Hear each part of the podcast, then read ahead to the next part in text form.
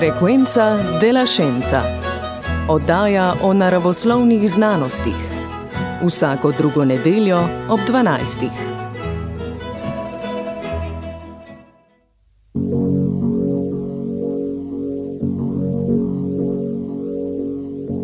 Spregledan tvarnik narave.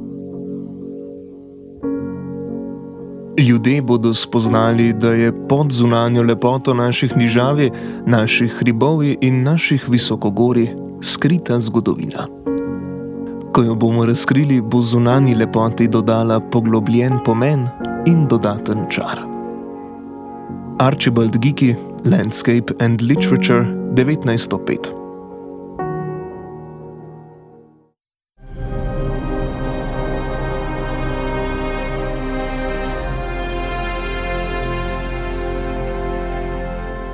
Kaj si predstavljate, ko vam rečem narava? Si v domišljiji slikate podobe nižavi, hribovi in visokogori? Povsod raste bujno rastlinje, naokoli pa lezejo, jadrajo ali oprezajo živali. Ob takih podobah narave vam je lahko prijetno, vzbudi pa se občutek, da je to nekaj ranljivega, vredno ohranjanja. Ko izrečem besedo, ohranjanje, so med prvimi mislimi verjetno izkrčeni pragozdovi in ranljivi koralni grebeni.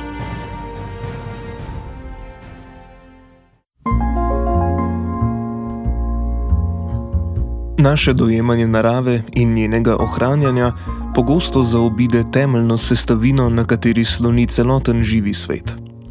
To je neživi del narave, To so tla, v katere lahko drevesa razpredajo svoje korenine. To so rečne struge, ob katerih se napajajo živali. To so mineralne surovine, od katerih je odvisna celotna človeška civilizacija.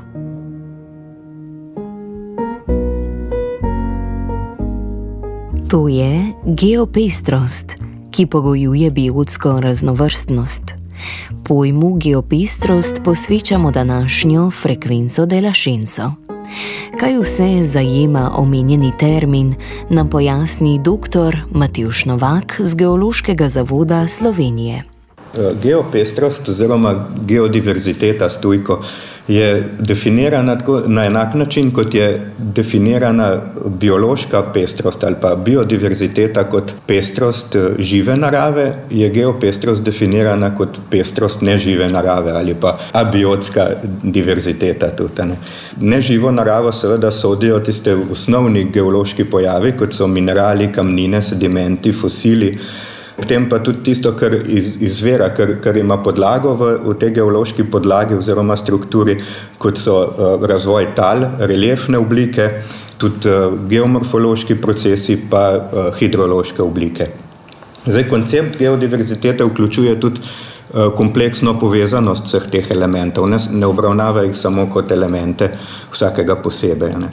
Zdaj, um, ta de definicija se mečkan razlikuje no, od države do države, ponekod uporabljajo še, še mečkan razširjeno definicijo, kot recimo v Veliki Britaniji opredeljujejo to, da, je, da geodiverziteta vključuje tudi, um, tudi človeka oziroma krajino, ne, pravzaprav kulturno krajino.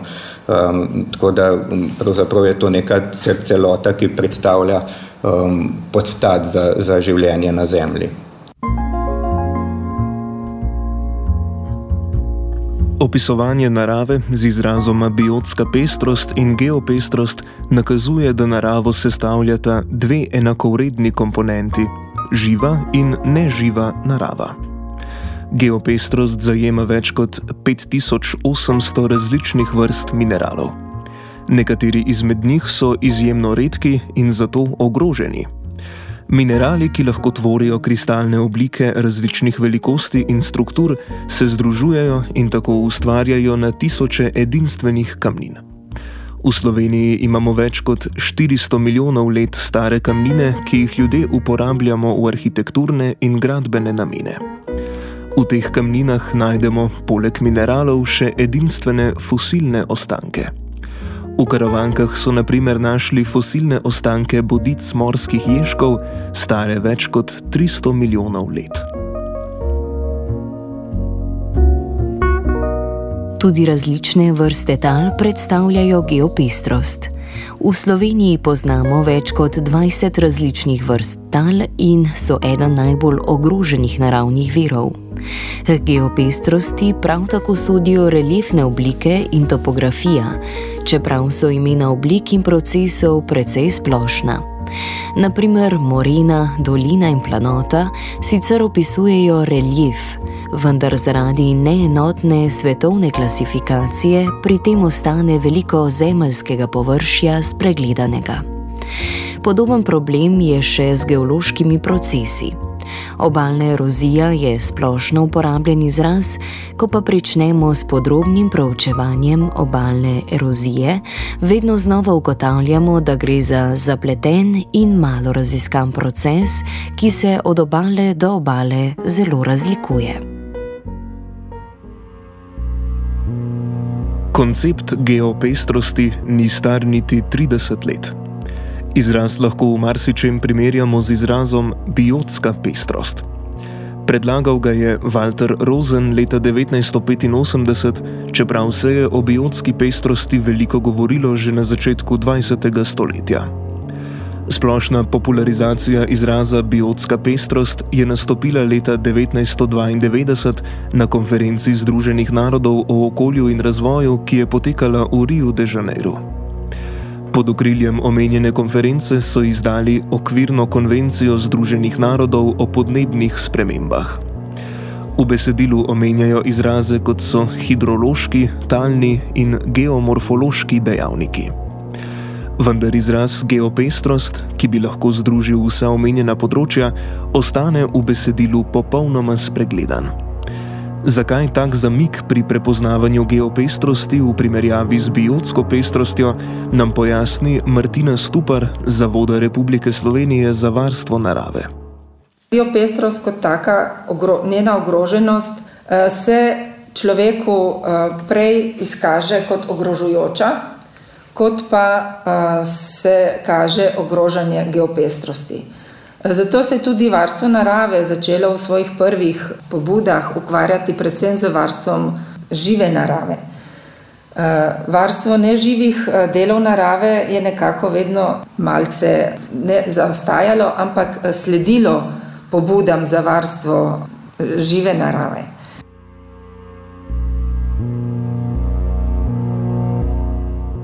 Prepoznavanje potrebe po varovanju nežive narave je nastopilo veliko kasneje kot prve pobude za varovanje žive narave. Čeprav sta bili obe naravni pestrosti enako ogroženi in obe potrebni zaščite. Tako je geopestrost svojo prvo uradno omembo doživela leta 1993, kar je skoraj deset let kasneje kot biotska pestrost. Izraz geopestrost je prvič uporabil tasmanski znanstvenik Charles Sharples v svojem delu o ohranjanju geoloških znamenitosti na Tasmaniji. Zauzel se je za ohranjanje geološke dediščine. Svoj zagon za ohranjanje geopestrosti je podkrepil z razlago, da se skrb za okolje skozi zgodovino vedno pristransko nagiba k ohranjanju biotske raznovrstnosti. Geološke procese se pri tem obravnava zgolj kot podlago, na kateri se odvijajo biološki procesi. Sharples je v delu izjemno kritičen do vseh, ki Zemlji pripisujejo izjemen pomen samo zaradi biološke raznovrstnosti. Okliče jih za biocentrične šoviniste. Želi povdariti, da geopestrost ni instrumentalna vrednost, ki služi zgolj kot temelj, na katerem lahko živa bitja obstajajo. Geopestrost je sama po sebi dragocena.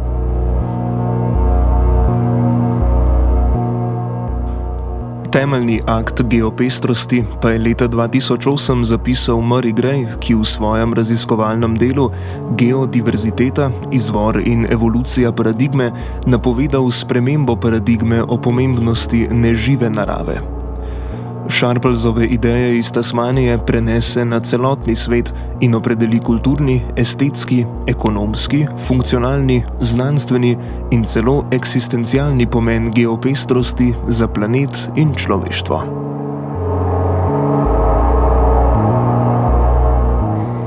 Morda se Grej ni motil.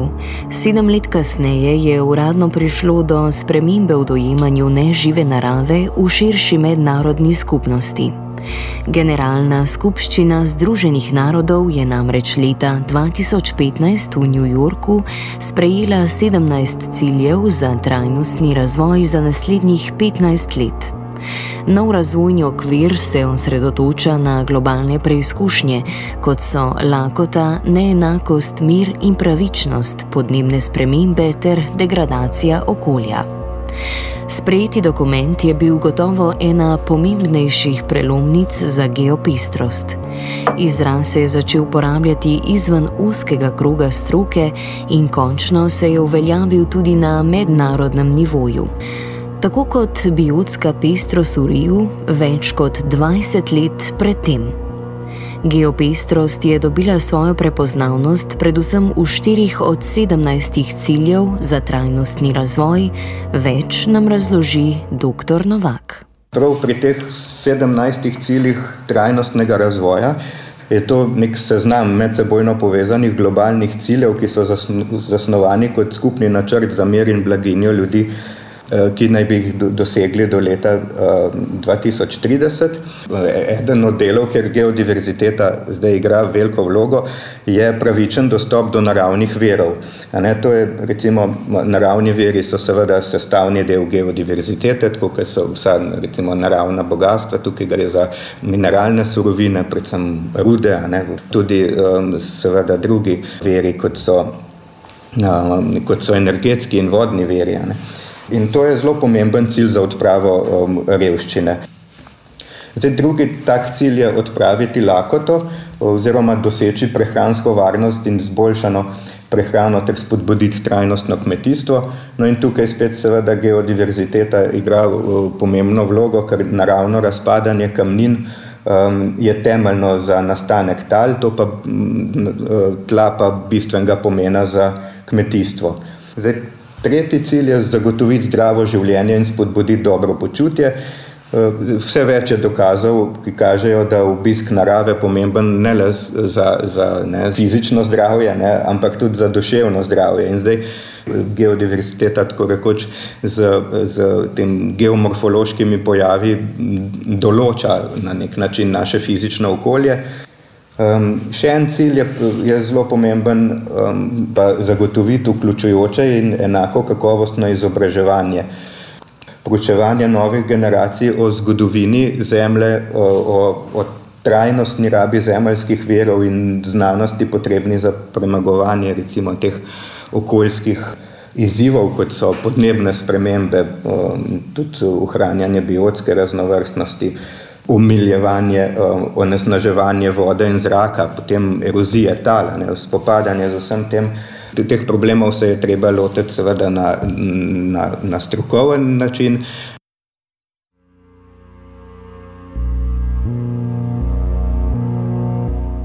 Ravno četrti izmed ciljev za trajnostni razvoj To je izobraževanje in seznanjanje sveta z geopestrostjo, je bil povod, da je 16. novembra lani Generalna skupščina UNESCO v Parizu razglasila 6. oktober za Mednarodni dan geopestrosti. Um, zdaj, kar lahko uh, brez zadržkov utrdimo, da geodiverziteta usmerja in um, usmerja življenje na Zemlji. Ne, je tako rekoč temelj biodiverzitete in je osnova vsakega ekosistema in ključni element pri evoluciji. In velika geodiverziteta skoraj vedno vodi do uh, velike tudi biodiverzitete. No, ampak ker je zavedanje uh, o tem tako zelo slabo, ker je tudi posledica tega, da v večini držav je izobraževalni um, program v osnovnih in srednjih šolah zelo, tako rekoč, slabo obravnava geološke vsebine. Ta dan um, obeleževanja geodiverzitete um, pomemben, da nadoknadimo ta, ta manjko. In v tem dnevu je priložnost največja za vem, učitelje, izobraževalce, pa tudi um, inštitucije, ki, ki raziskujejo in se, oziroma se ukvarjajo z geodiverziteto, da se med seboj povežejo, da o tem osveščajo in izobražujejo.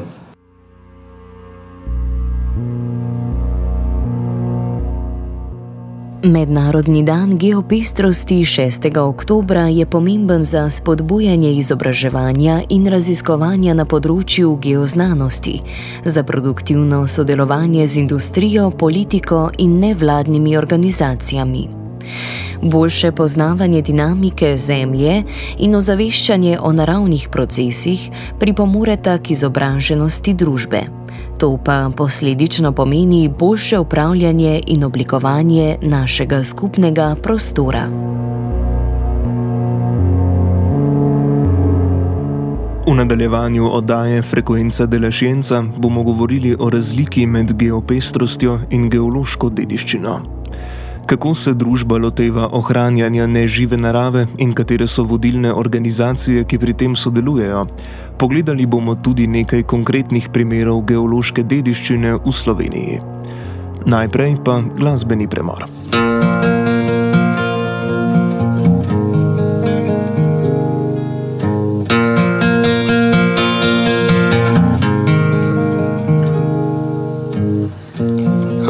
dressed you in strange clothes of sand? Who has taken you far from my land? Who has said that my sayings are wrong? And who will say that I stayed much too long? Clothes of sand have covered your face given you meaning, taken my place. So make your way on down to the sea. Something has taken you so far from me.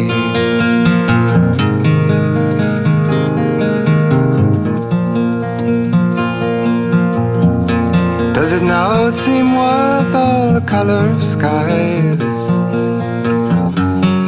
To see the earth through painted eyes, to look through panes of shaded glass, see the stains of winter's grass. Can you now return to from where you came? Try to burn your changing name oh, with silver spoons light. Will you worship moons and winter's night? Clothes of sand have covered your face, given you meaning, taken my place. So make your way on down to the sea. Something has taken you so far from me.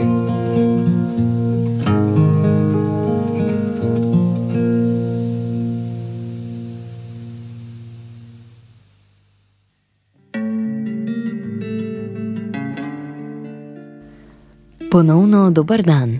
Poslušate oddajo Frekvenca dela Šenca, ki jo pripravlja znanstvena redakcija Radio Student. Danes govorimo o geopestrosti v duhu prihajajočega mednarodnega dneva geopestrosti, ki bo 6. oktober. Pred glasbenim odmorom smo temeljito pojasnili pojem geopestrosti in pregledali zgodovino njegove uveljavitve. Naj ponovimo za vse, ki ste se nam morda šele zdaj pridružili. Geopestrost so vsi neživi naravni materijali in procesi, ki so oblikovali naš planet in še danes oblikujejo njegovo notranjost in površje. Geopestrost predstavlja neživo naravo in je tihi sopotnik biotske raznovrstnosti.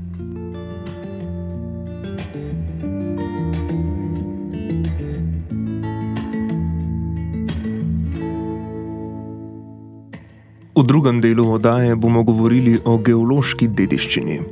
Pregledali bomo mednarodne organizacije in programe, ki se ukvarjajo z varovanjem in zaščito narave na svetovnem nivoju. Za začetek pa nam bo dr. Matej Žnovak z Geološkega zavoda Slovenije pojasnil razliko med geopestrostjo in geološko dediščino. To sta, to sta seveda geopestrost po eni strani, pa geološke naravne vrednote ali pa geološka dediščina na drugi strani. Namreč geopestrost sama po sebi nima uh, vrednostne obtežitve. Ne? To, je, to, to je pravzaprav naravno stanje. Rekli smo, so to minerali, kamnine, fosili, tla, um, geomorfološke oblike. In zdaj strokovnjaki so si enotni, da vsega tega um, ni, ne moramo varovati, pa tudi ni treba varovati, ne? ker to pač sestavlja um, cel svet okrog nas. In um, Zdaj, eh, geološka dediščina ali pa geološke naravne vrednote so pa tisti del geodiverzitete, ki so po svoji vsebini ali so, ali so redki, izjemni, posebni ali pa pomembni za, za izobraževanje oziroma za razumevanje določenih procesov. In te dele geodiverzitete je pa treba, oziroma geopestrosti je pa treba varovati, in ta del se pa imenuje geološke naravne vrednote. In, in so obtežene z, z tem, z, po, po svojem pomenu oziroma po svojih vrednostih.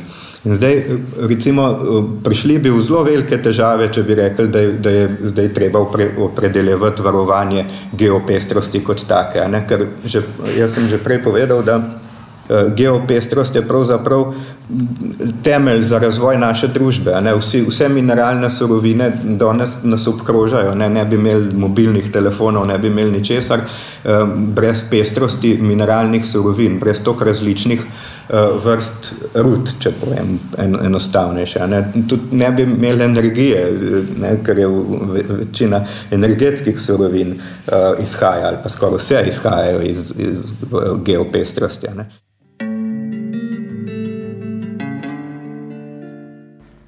Celotne svetovne geopistrosti se torej ne da in je tudi ni smiselno zaščititi. Če potegnemo usporednico z biotsko raznovrstnostjo, svet potrebuje les, ki ga pridobiva iz gozdov. Vseh gozdov tako ne moremo zaščititi, obstajajo pa gozdni in pragozdni rezervati, kjer je poseg človeka prepovedan. Enako je z geopistrostjo, ki jo sestavljajo rudna nahajališča. Nekatera nahajališča so še danes obratujoči rudniki, saj le tako lahko dobimo potrebne surovine za delovanje globalnega stroja. Na svetu pa obstajajo rudna nahajališča, ki so neizkoriščena in so zaščitena kot geološka dediščina. Takšne imamo tudi v Sloveniji, naprimer rudnik svinca in cinka v Mežici in pa rudnik živega srebra v Idriji.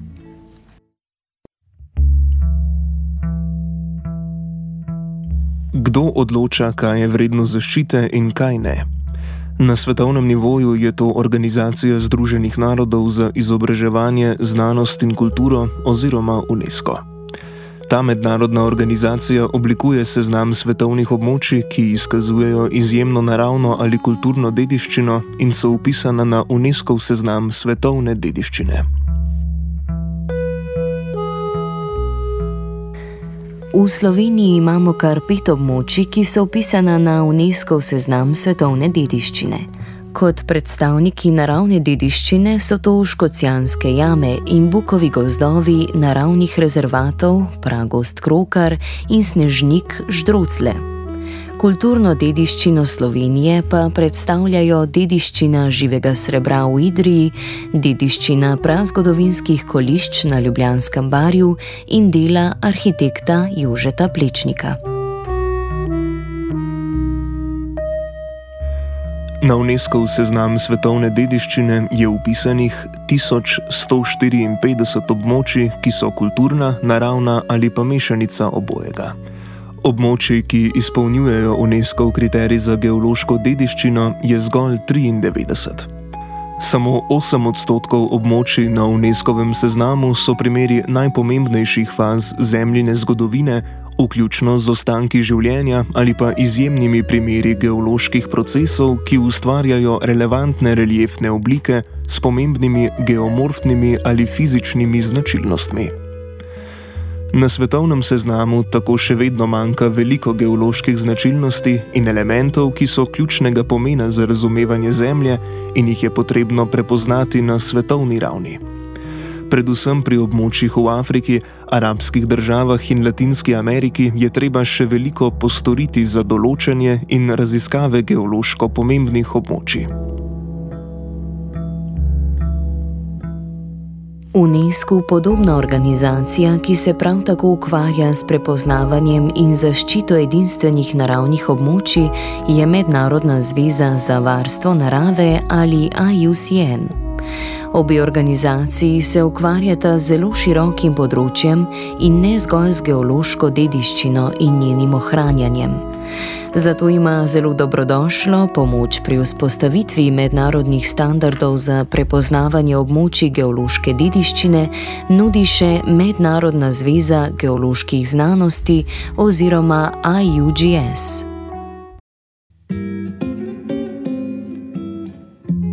UNESCO in Mednarodna zveza geoloških znanosti zelo tesno sodelujeta tudi pri UNESCO-vem programu Globalni geoparki. Na svetu trenutno obstaja 177 UNESCO-vih globalnih geoparkov v 46 državah. V Sloveniji sta v to mrežo trenutno registrirana dva geoparka: Geopark Idrija in Geopark Karavanke, v nastajanju pa je še Geopark Kras. Kakšna je razlika med upisom na UNESCO seznam svetovne dediščine in UNESCO-vim globalnim geoparkom, nam pojasni Martina Stupar z Zavoda Republike Slovenije za varstvo narave in članica odbora za svetovno kulturno in naravno dediščino. Razlika med geoparki in območji UNESCO, ki so upisani na seznam eh, dediščine, je predvsem v načinu upravljanja teh območij. Za, za območja, ki so upisana na seznam svetovne dediščine, je, kot sem že omenila, zadolžena država, da izpolnjuje obveze in ohranja ta območja na najvišjem možnem nivoju, se pravi v skladu z nacionalno eh, zakonodajo posamezne države. Pri geoparkih pa je predeljeno upravljanje eh, in izhaja upravljanje teh območij bolj iz eh, lokalnih okolij. Se pravi, eh, pri geoparkih je bolj pomemben njihov, njihovo upravljanje, zagotavljanje vključevanja tudi vseh eh, lokalnih eh, prebivalcev, domačinov. In pomen teh geoparkov je tudi, da tem domačinom oziroma lokalnim prebivalstvom nudi neko dodatno možnost bivanja na tem območju. Eh, in tudi njihovega vključevanja pri upravljanju geoparkov. Geoparki se torej razvijajo na nivojih lokalne skupnosti in lokalnega upravljanja. Spodbuja se prepletanje med domačini in naravo. Da območje sploh lahko postane geopark, je potrebna izjemna geološka dediščina, ki mora biti svetovnega pomena. Vrednost potencialnega geoparka ocenjuje komisija, ki jo sestavljajo člani Mednarodne zveze geoloških znanosti oziroma IUGS. Kdaj lahko neko območje pridobi naziv UNESCO globalni geopark? Najprej se geološka dediščina določenega območja ovrednoti na način, da se eh, ugotovi njeno izjemnost, eh, tipičnost, enkratnost, redkost. Geopark mora biti najprej ustanovljen na, na lokalnem nivoju, se pravi, samo že obstoječi geoparki so, se lahko potegujejo za upis v mrežo globalnih geoparkov. Zato so, so opredeljena merila in standardi, ki jih predpisuje UNESCO, in To se potem v postopku dokazovanja v dokumentaciji tudi uh, opredeli. Uh, ti postopki so lahko zelo dolgotrajni. Posebej je potrebno v tem postopku izpostaviti, da geopark deluje kot geopark, da obstaja upravljanje, da se uh, na pravi način ta geološka dediščina tudi trži. Eh, geoparki so zelo podpirajo geoturizem, vendar eh, pri tem moramo biti zelo previdni, ker geoturizem se mora izvajati na način, da se ta dediščina vrednoti oziroma da se ta dediščina eh, ohranja. Ni pričakovati, oziroma ni cilj geoparkov neki vzpostavljanje nekega masovnega turizma, ampak individualnega turizma z dodano vrednostjo, ki naj jo obiskovalec odnese, in to je, da začuti resnično vrednost geološke dediščine oziroma geopestrosti posameznega geoparka. V Sloveniji imamo trenutno dva UNESCO-va globalna geoparka in še en geopark v nastajanju. Prvi je Idrija in meje tega parka zaobjemajo administrativno območje občine Idrija. Drugi UNESCO globalni geopark je del Karavank. To je čezmejni geopark in zajema 14 občin v Avstriji in Sloveniji kaj vse nudita omenjena globalna geoparka in kaj vse bo zaobjemal geopark v nastajanju, pa boste izvedeli po glasbenem premoru.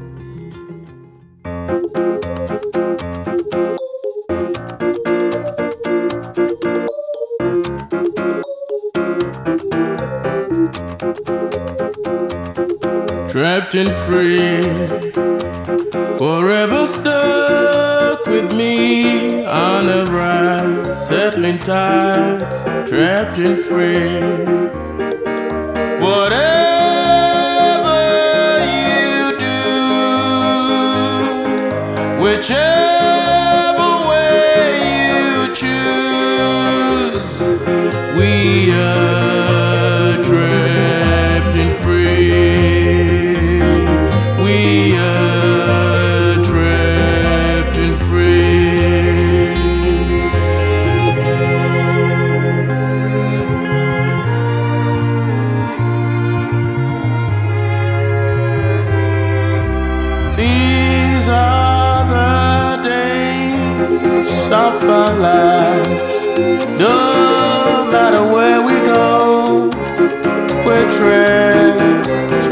free.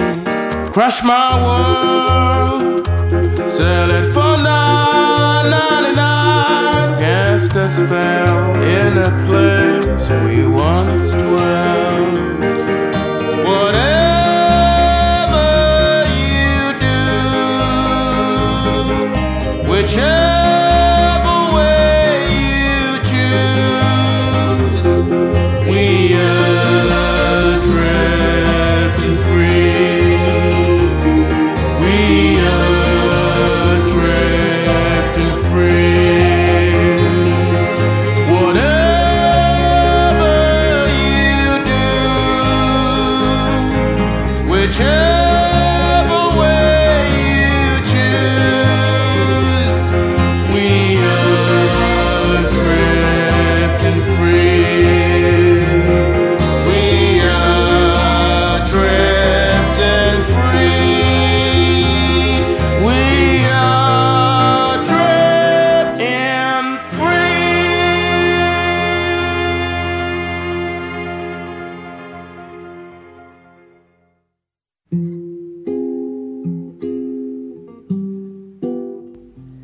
Poslušate oddajo Frekvenca de la Scienza na Radiu Student.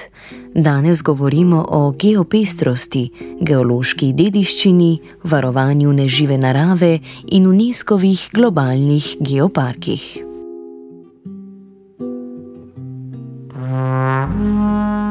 V Sloveniji imamo trenutno dva UNESCO-va globalna geoparka. Najprej bomo podrobneje spoznali geopark Idrija. Kakšno geološko dediščino lahko najdemo tam, nam razloži Mojca Gorjub Kavčič iz geoparka Idrija. Uh, Geopark Idrija zajema območje občine Idrija. No, zaradi svoje specifične lege na stični točki alpskega in pa dinarskega sveta v bistvu predstavlja zelo nazoren prehod med predalpsko in kraško pokrajino. Ozemlje je izredno razgibano z globokimi soteskami, nad katerimi se raztezajo visoke kraške planote. Geopark Idrija razpolaga z izrednim številom naravnih vrednot, tako geoloških, kot geomorfoloških, hidroloških, botaničnih, drevesnih in tako dalje. No, kot najpomembnejše naravne znamenitosti mednarodnega pomena smo določili štiri točke in sicer rodišče živega srebra, Antonijev rov, kot najstarejši ohranjeni vhod v rudnik v Evropi, potem Idrijski prelom, eden izmed najmočnejših prelomov v južnoalpskem prostoru, in pa divje jezero kot edinstveni kraški pojav, ki je jezero, izvir in pa jama v enem. Tako da ja, izredno bogato območje s številnimi naravnimi in pa tudi kulturnimi znamenitostmi. V oddaji smo že omenili, da se v Idriji nahaja tudi rudišče živega srebra, njegova dediščina pa je na UNESCO-vem seznamu svetovne dediščine. Kakšna je torej razlika med geoparkom Idrija in upisom na UNESCO seznam naravne in kulturne dediščine? Se pravi, še enkrat podarjam, geopark je območje z ljudmi, se pravi, s prebivalci in obiskovalci. Ne večkrat tudi rečemo, da je geopark smo ljudje in ne zavod za turizem, oziroma naš oddelek v sklopu zavoda, celo kot se veliko krat zmotno interpretira oziroma pač razume. Tako da verjetno bo potrebno še kar nekaj časa in pa tudi truda. Da bo ta definicija geoparka kot območja med ljudmi bolj, boljše razumljena. Uh, rodišče živega srebra, pa svojo dediščino živega srebra, v kar uvrščamo znanje, stroje, infrastrukturo, zgradbe, tehnologijo in pa seveda tudi pomen. Ki ga je imelo za razvoj sveta v preteklosti, izkazuje izjemno univerzalno vrednoto za človeštvo, a ne neko tako z vsemi temi elementi upisano na seznam svetovne dediščine. A ne to pomeni tudi zaščito dediščine. Upis na UNESCO seznam torej pomeni, da je ta dediščina zaščitena po najvišjih možnih merilih na nivoju države. Ukrepi ohranjanja narave so tukaj predvsem izobraževanje oziroma oblikovanje odnosa med ljudmi in dediščino. Poudarki so seveda na ozaveščanju o dediščini, njenem pomenu in nujnosti ohranjanja. Običajno je to v obliki urejenih učnih poti, izobraževalnih centrov in razstavnih prostorov. Pomeni tudi spodbujanje lokalne trgovine z domačimi blagovnimi znamkami. Poseben status v geoparku Idrija ima krajinski park Zgornja Idrica, ki je zavarovano območje.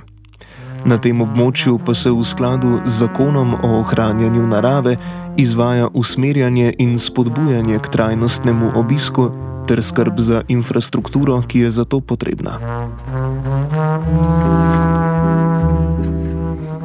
Mednarodne organizacije, kot so Mednarodna zveza za varstvo narave, UNESCO in Mednarodna zveza geoloških znanosti, si prizadevajo, da bi s programom UNESCO-vi globalni geoparki resnično povezali ljudi z naravo. Želijo poudariti, da smo ljudje odvisni tudi od nežive narave in da to že samo po sebi predstavlja dediščino. Uh, ja, v bistvu ta dediščina daje identiteto temu območju. Enostavno povedano, uh, zavedati se je treba, da geologija ustvarja pogoje, uh, katerim se prilagaja vse živi svet, tudi človek. In od geologije je odvisno, kako živimo, s čim se ukvarjamo, kakšni smo. Jaz velikokrat rečem, da geologija ustvarja celo karakter ljudi. Na koncu koncev, če pogledamo Idrijo, bo to držalo kot prebito. Idrija je zrasla in se razvila na podlagi rodišča in rudnika živega srebra in zaznamovala ljudi. Vprašanje bi, kaj bi sploh bilo, če rudnika ne bi bilo, kakšna bi bila Idrija ali bi sploh bila tukaj. No, in na koncu koncev v Idrijo so tudi zaradi rudnika prihajali sloviti naravoslovci vse od 16. stoletja dalje in popisovali naravo, rudnik, uh, odkrivali so številne rastlinske in živalske vrste. In lahko rečemo, da je Idrija res zibelka slovenskega naravoslovja. Tako da v Idriji ima geologija in naravoslovje res velik pomen, in to, da izobražujemo o pomenu te dediščine, in da jo tudi ohranjamo, je res naša velika dolžnost.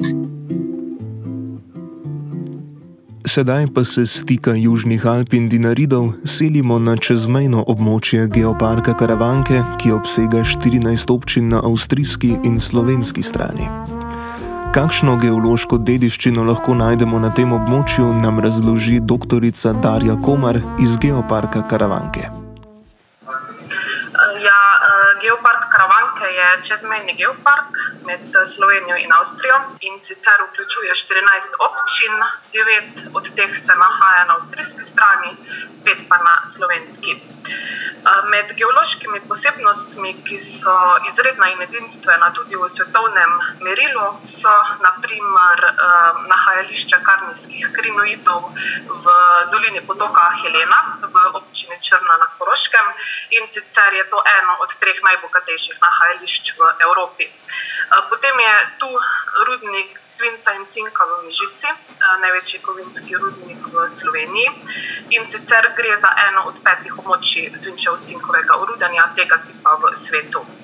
Rudnik Mižica je tudi nahajališče minerala Wolferita in tudi eno najbolj znanih nahajališč Wolferita v Evropi. Potem imamo rudnik cinka in svinca v Topli, ki je pomemben v svetovnem merilu, saj gre tu za pomemben dokaz za sedimentni nastanek tega tipa urudenja. Omenim naj še mineral Dravit in pa Dobrovo pri Dravogradu. Tu so prvič na svetu našli mineral Dravit, ga poimenovali po reki Dravi in zaradi tega je Dobrova pri Dravogradu izvorno nahajališče tega minerala. Periadriatska prelomna cona, ki je nastala kot posledica kolizije dveh velikih litosferskih plošč. Potem na avstrijski strani v občini Železna Kapla imamo Obirske kapniške jame. Te so odkrili povsem po naključju pri odkopavanju svinčevo-cinkove rude. Podkanski slap v občini Gadlicija na avstrijski strani je eden izmed najvišjih prostopadajočih slapov v Evropi, je pa tudi nahajališče jurskih amonitov. Potem imamo Korške peči, naravni rezervat v občini Železna Kapla, kjer imamo tudi nahajališče znane Trbiške vreče. Pa pobočja blazinaste lave v Obirski soteski, Smrekovec na slovenski strani v občini Črna na Koroškem, številne izvire mineralne vode na območju periadriatske prelomne cone med Jezersko in Železno Kaplo. Ter pa za konec mogoče še premogovnik na Lešah, kjer so v preteklosti pridobili več premoga kot pa takrat v vseh slovenskih skupaj. Vsekakor razgibano območje, ki je skoraj štirikrat večje od geoparka Idrija. Tukaj prav tako veljajo enaka pravila ohranjanja. Z usmerjenim turizmom in izobraževanjem na vseh nivojih želijo ljudem predstaviti naravne vrednote svetovnega pomena in v proces aktivno vključiti lokalno prebivalstvo, kar se kaže tudi v vsakoletnem organiziranju Geofestivala.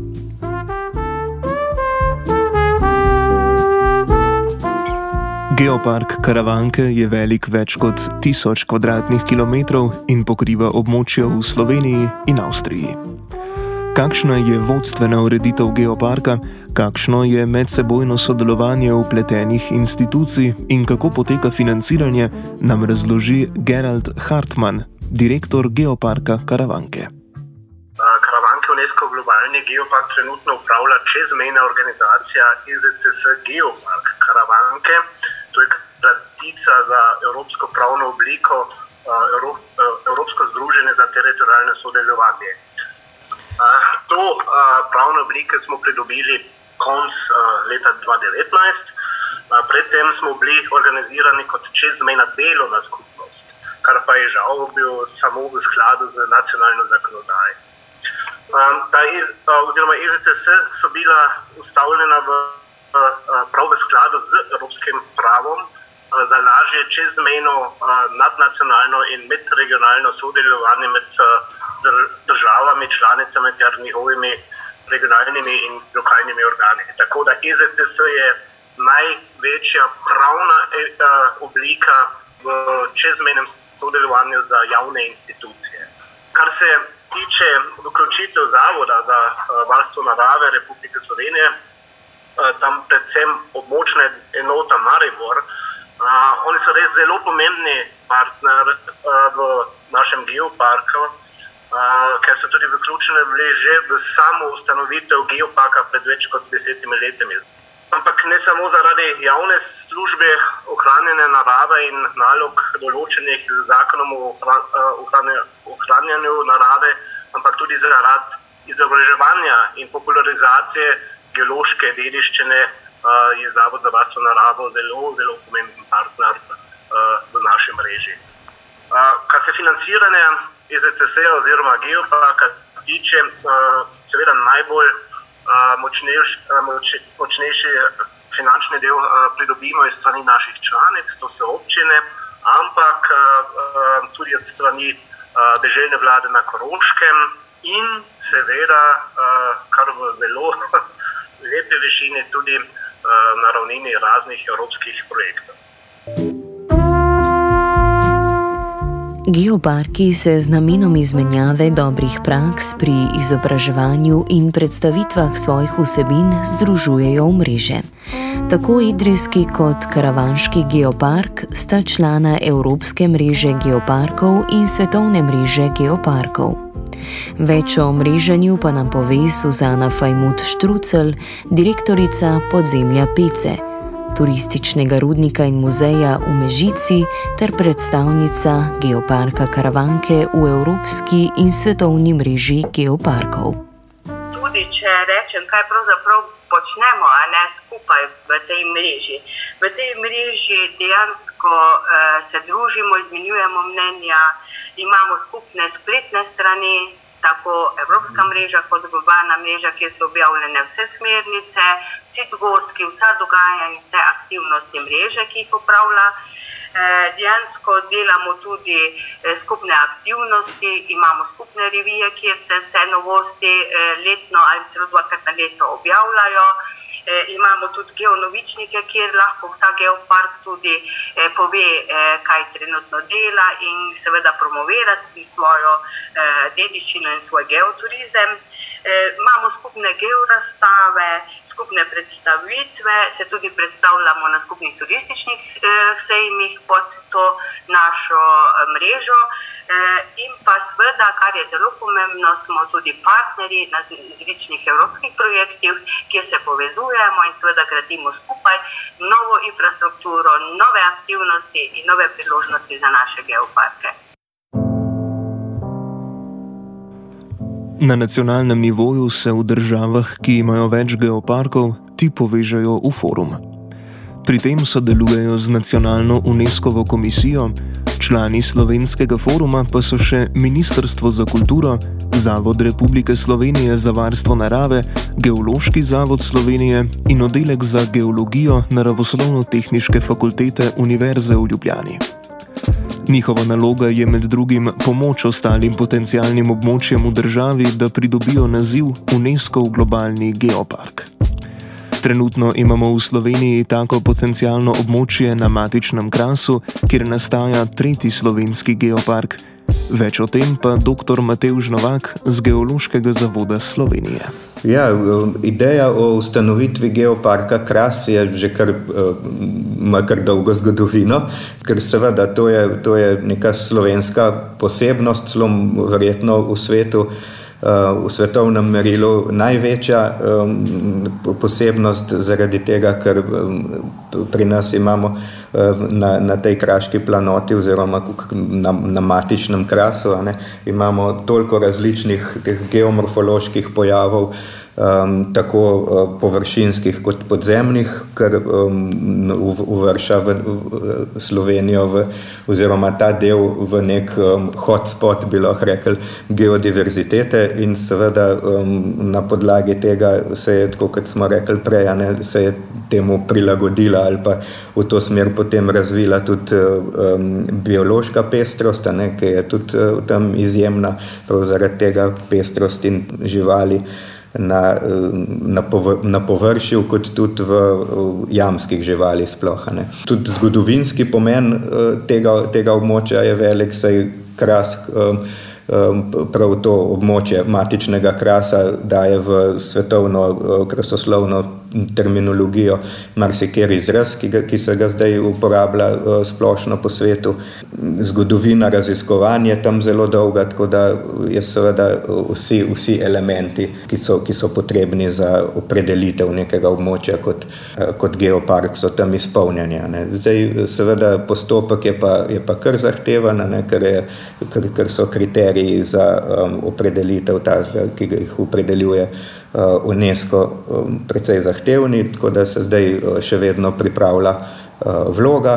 Um, treba je tudi povedati, da je ta geopark čezmejen, zato ker um, del krasa, matičnega krasa, sega na italijansko stran, tako da um, to zdaj dokumente pripravljamo skupaj z, z italijanskimi geologi in um, pač tudi drugimi. No. Sej, ne gre samo za geološko dediščino pri ustanavljanju geoparkov, ampak celokupen sestav tudi kulturne dediščine, ki, ki največkrat spet temelji na, na uh, geopestrosti.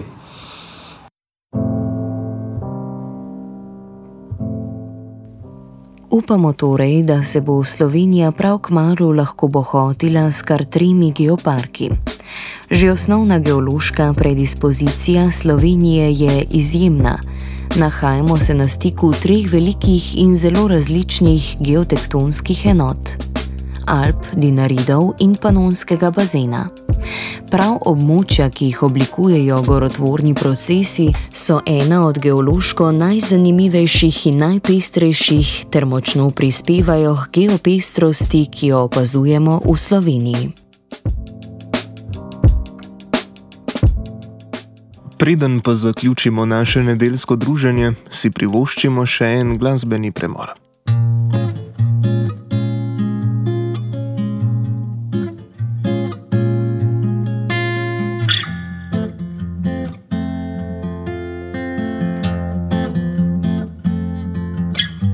Pustila bom šolo, bom šla po svetu, pobožala naš dragi, modri bom planet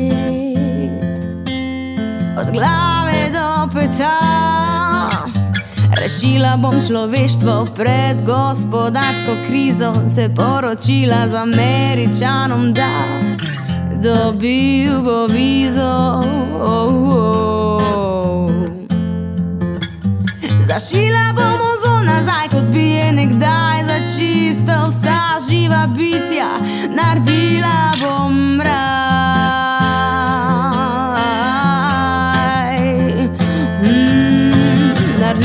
Bom raj, naredila bom raj, naredila bom raj, oh, naredila bom raj.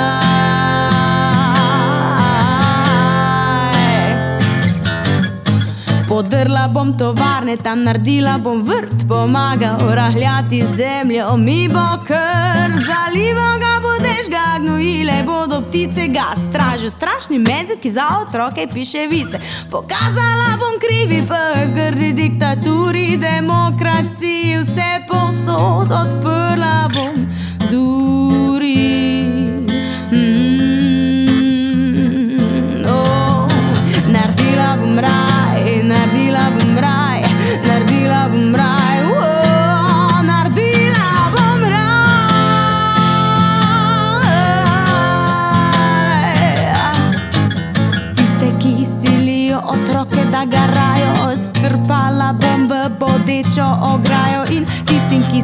rogajo, drugi barvi kože, pokradla izpred hiše, bom se rože in ženskam s torbicami iz živalske kože, mm, nagačla bom može. Oh, naredila bom raj, naredila bom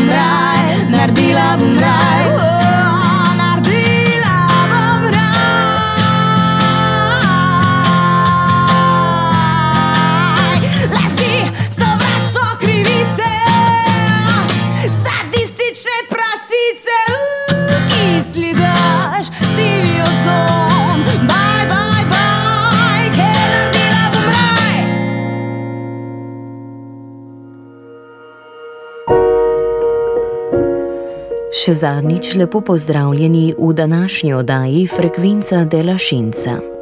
Govora je o geopestrosti, oddajo pa smo pripravili v duhu prihajajočega Mednarodnega dneva geopestrosti 6. oktober, ki ga bomo letos obeleževali prvič. Tekom oddaje smo ugotovili, da je geopestrost še vedno izraz, ki se zelo počasi uvaja v splošno rabo, čeprav je geopestrost izrednega pomena za življenje na Zemlji. Skozi zgodovino smo pogosto problematizirali ogroženost in pomen ohranjanja biotske raznovrstnosti, medtem ko je geopestrost pogosto ostala spregledana. Vendar je treba povdariti, da so se slovenska naravovarstvena prizadevanja na področju geopestrosti začela relativno zgodaj. V spomenici iz leta 1920, ki velja za prvi poziv k sistematskemu varstvu narave v Sloveniji, so med predlogi za zavarovanje ogrožene narave med drugim vključili tudi varstvo podzemnih jam. V današnji oddaji smo spregovorili o edinstvenih primerjih geopestrosti, ki jih mednarodna skupnost prepoznava in varuje kot geološko dediščino. Vendar pa bi lahko rekli, da se je geopestrost znašla na precepu. UNESCO in ostale mednarodne organizacije, kot smo spoznali, lažje zavarujejo geološko dediščino v razvitih delih sveta. Geopestrost in geološka dediščina Afrike, Latinske Amerike in arabskega sveta tako še vedno ostajajo pod hudim pritiskom urbanizacije in prekomernega izkoriščanja. Zato marsikateri pripadniki stroke iščejo načine, da bi razvili orodja za vrednotenje geopestrosti določenega območja. Kot je to praksa pri biotski raznovrstnosti, kar bi lahko olajšalo generalizirano varstvo narave. Kljub napredku na področju varovanja nežive narave, še vedno manjka vzpostavitev generalne klasifikacije geopestrosti, s katero bi študije in vrednotenje geološke dediščine postale bolj poenotene.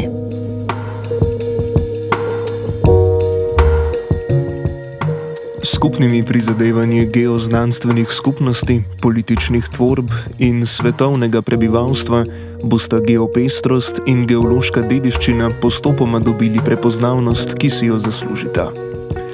Resnično nujnega pomena je, da se na globalnem nivoju prepozna potrebo po varovanju, trajnostnemu razvoju in ohranjanju nežive dediščine tega planeta. Temu tudi namenjamo 6. oktober, Mednarodni dan geopestrosti. Srečno!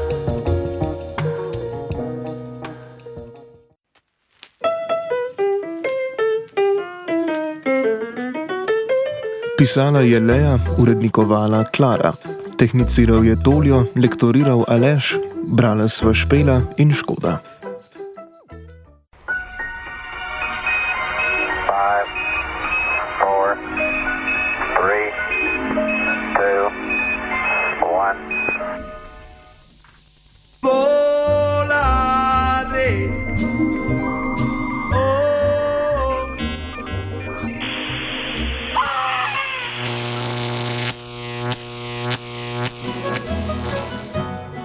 Frekvenca della Scienza. Oddaja o naravoslovnih znanostih. Vsako drugo nedeljo ob 12.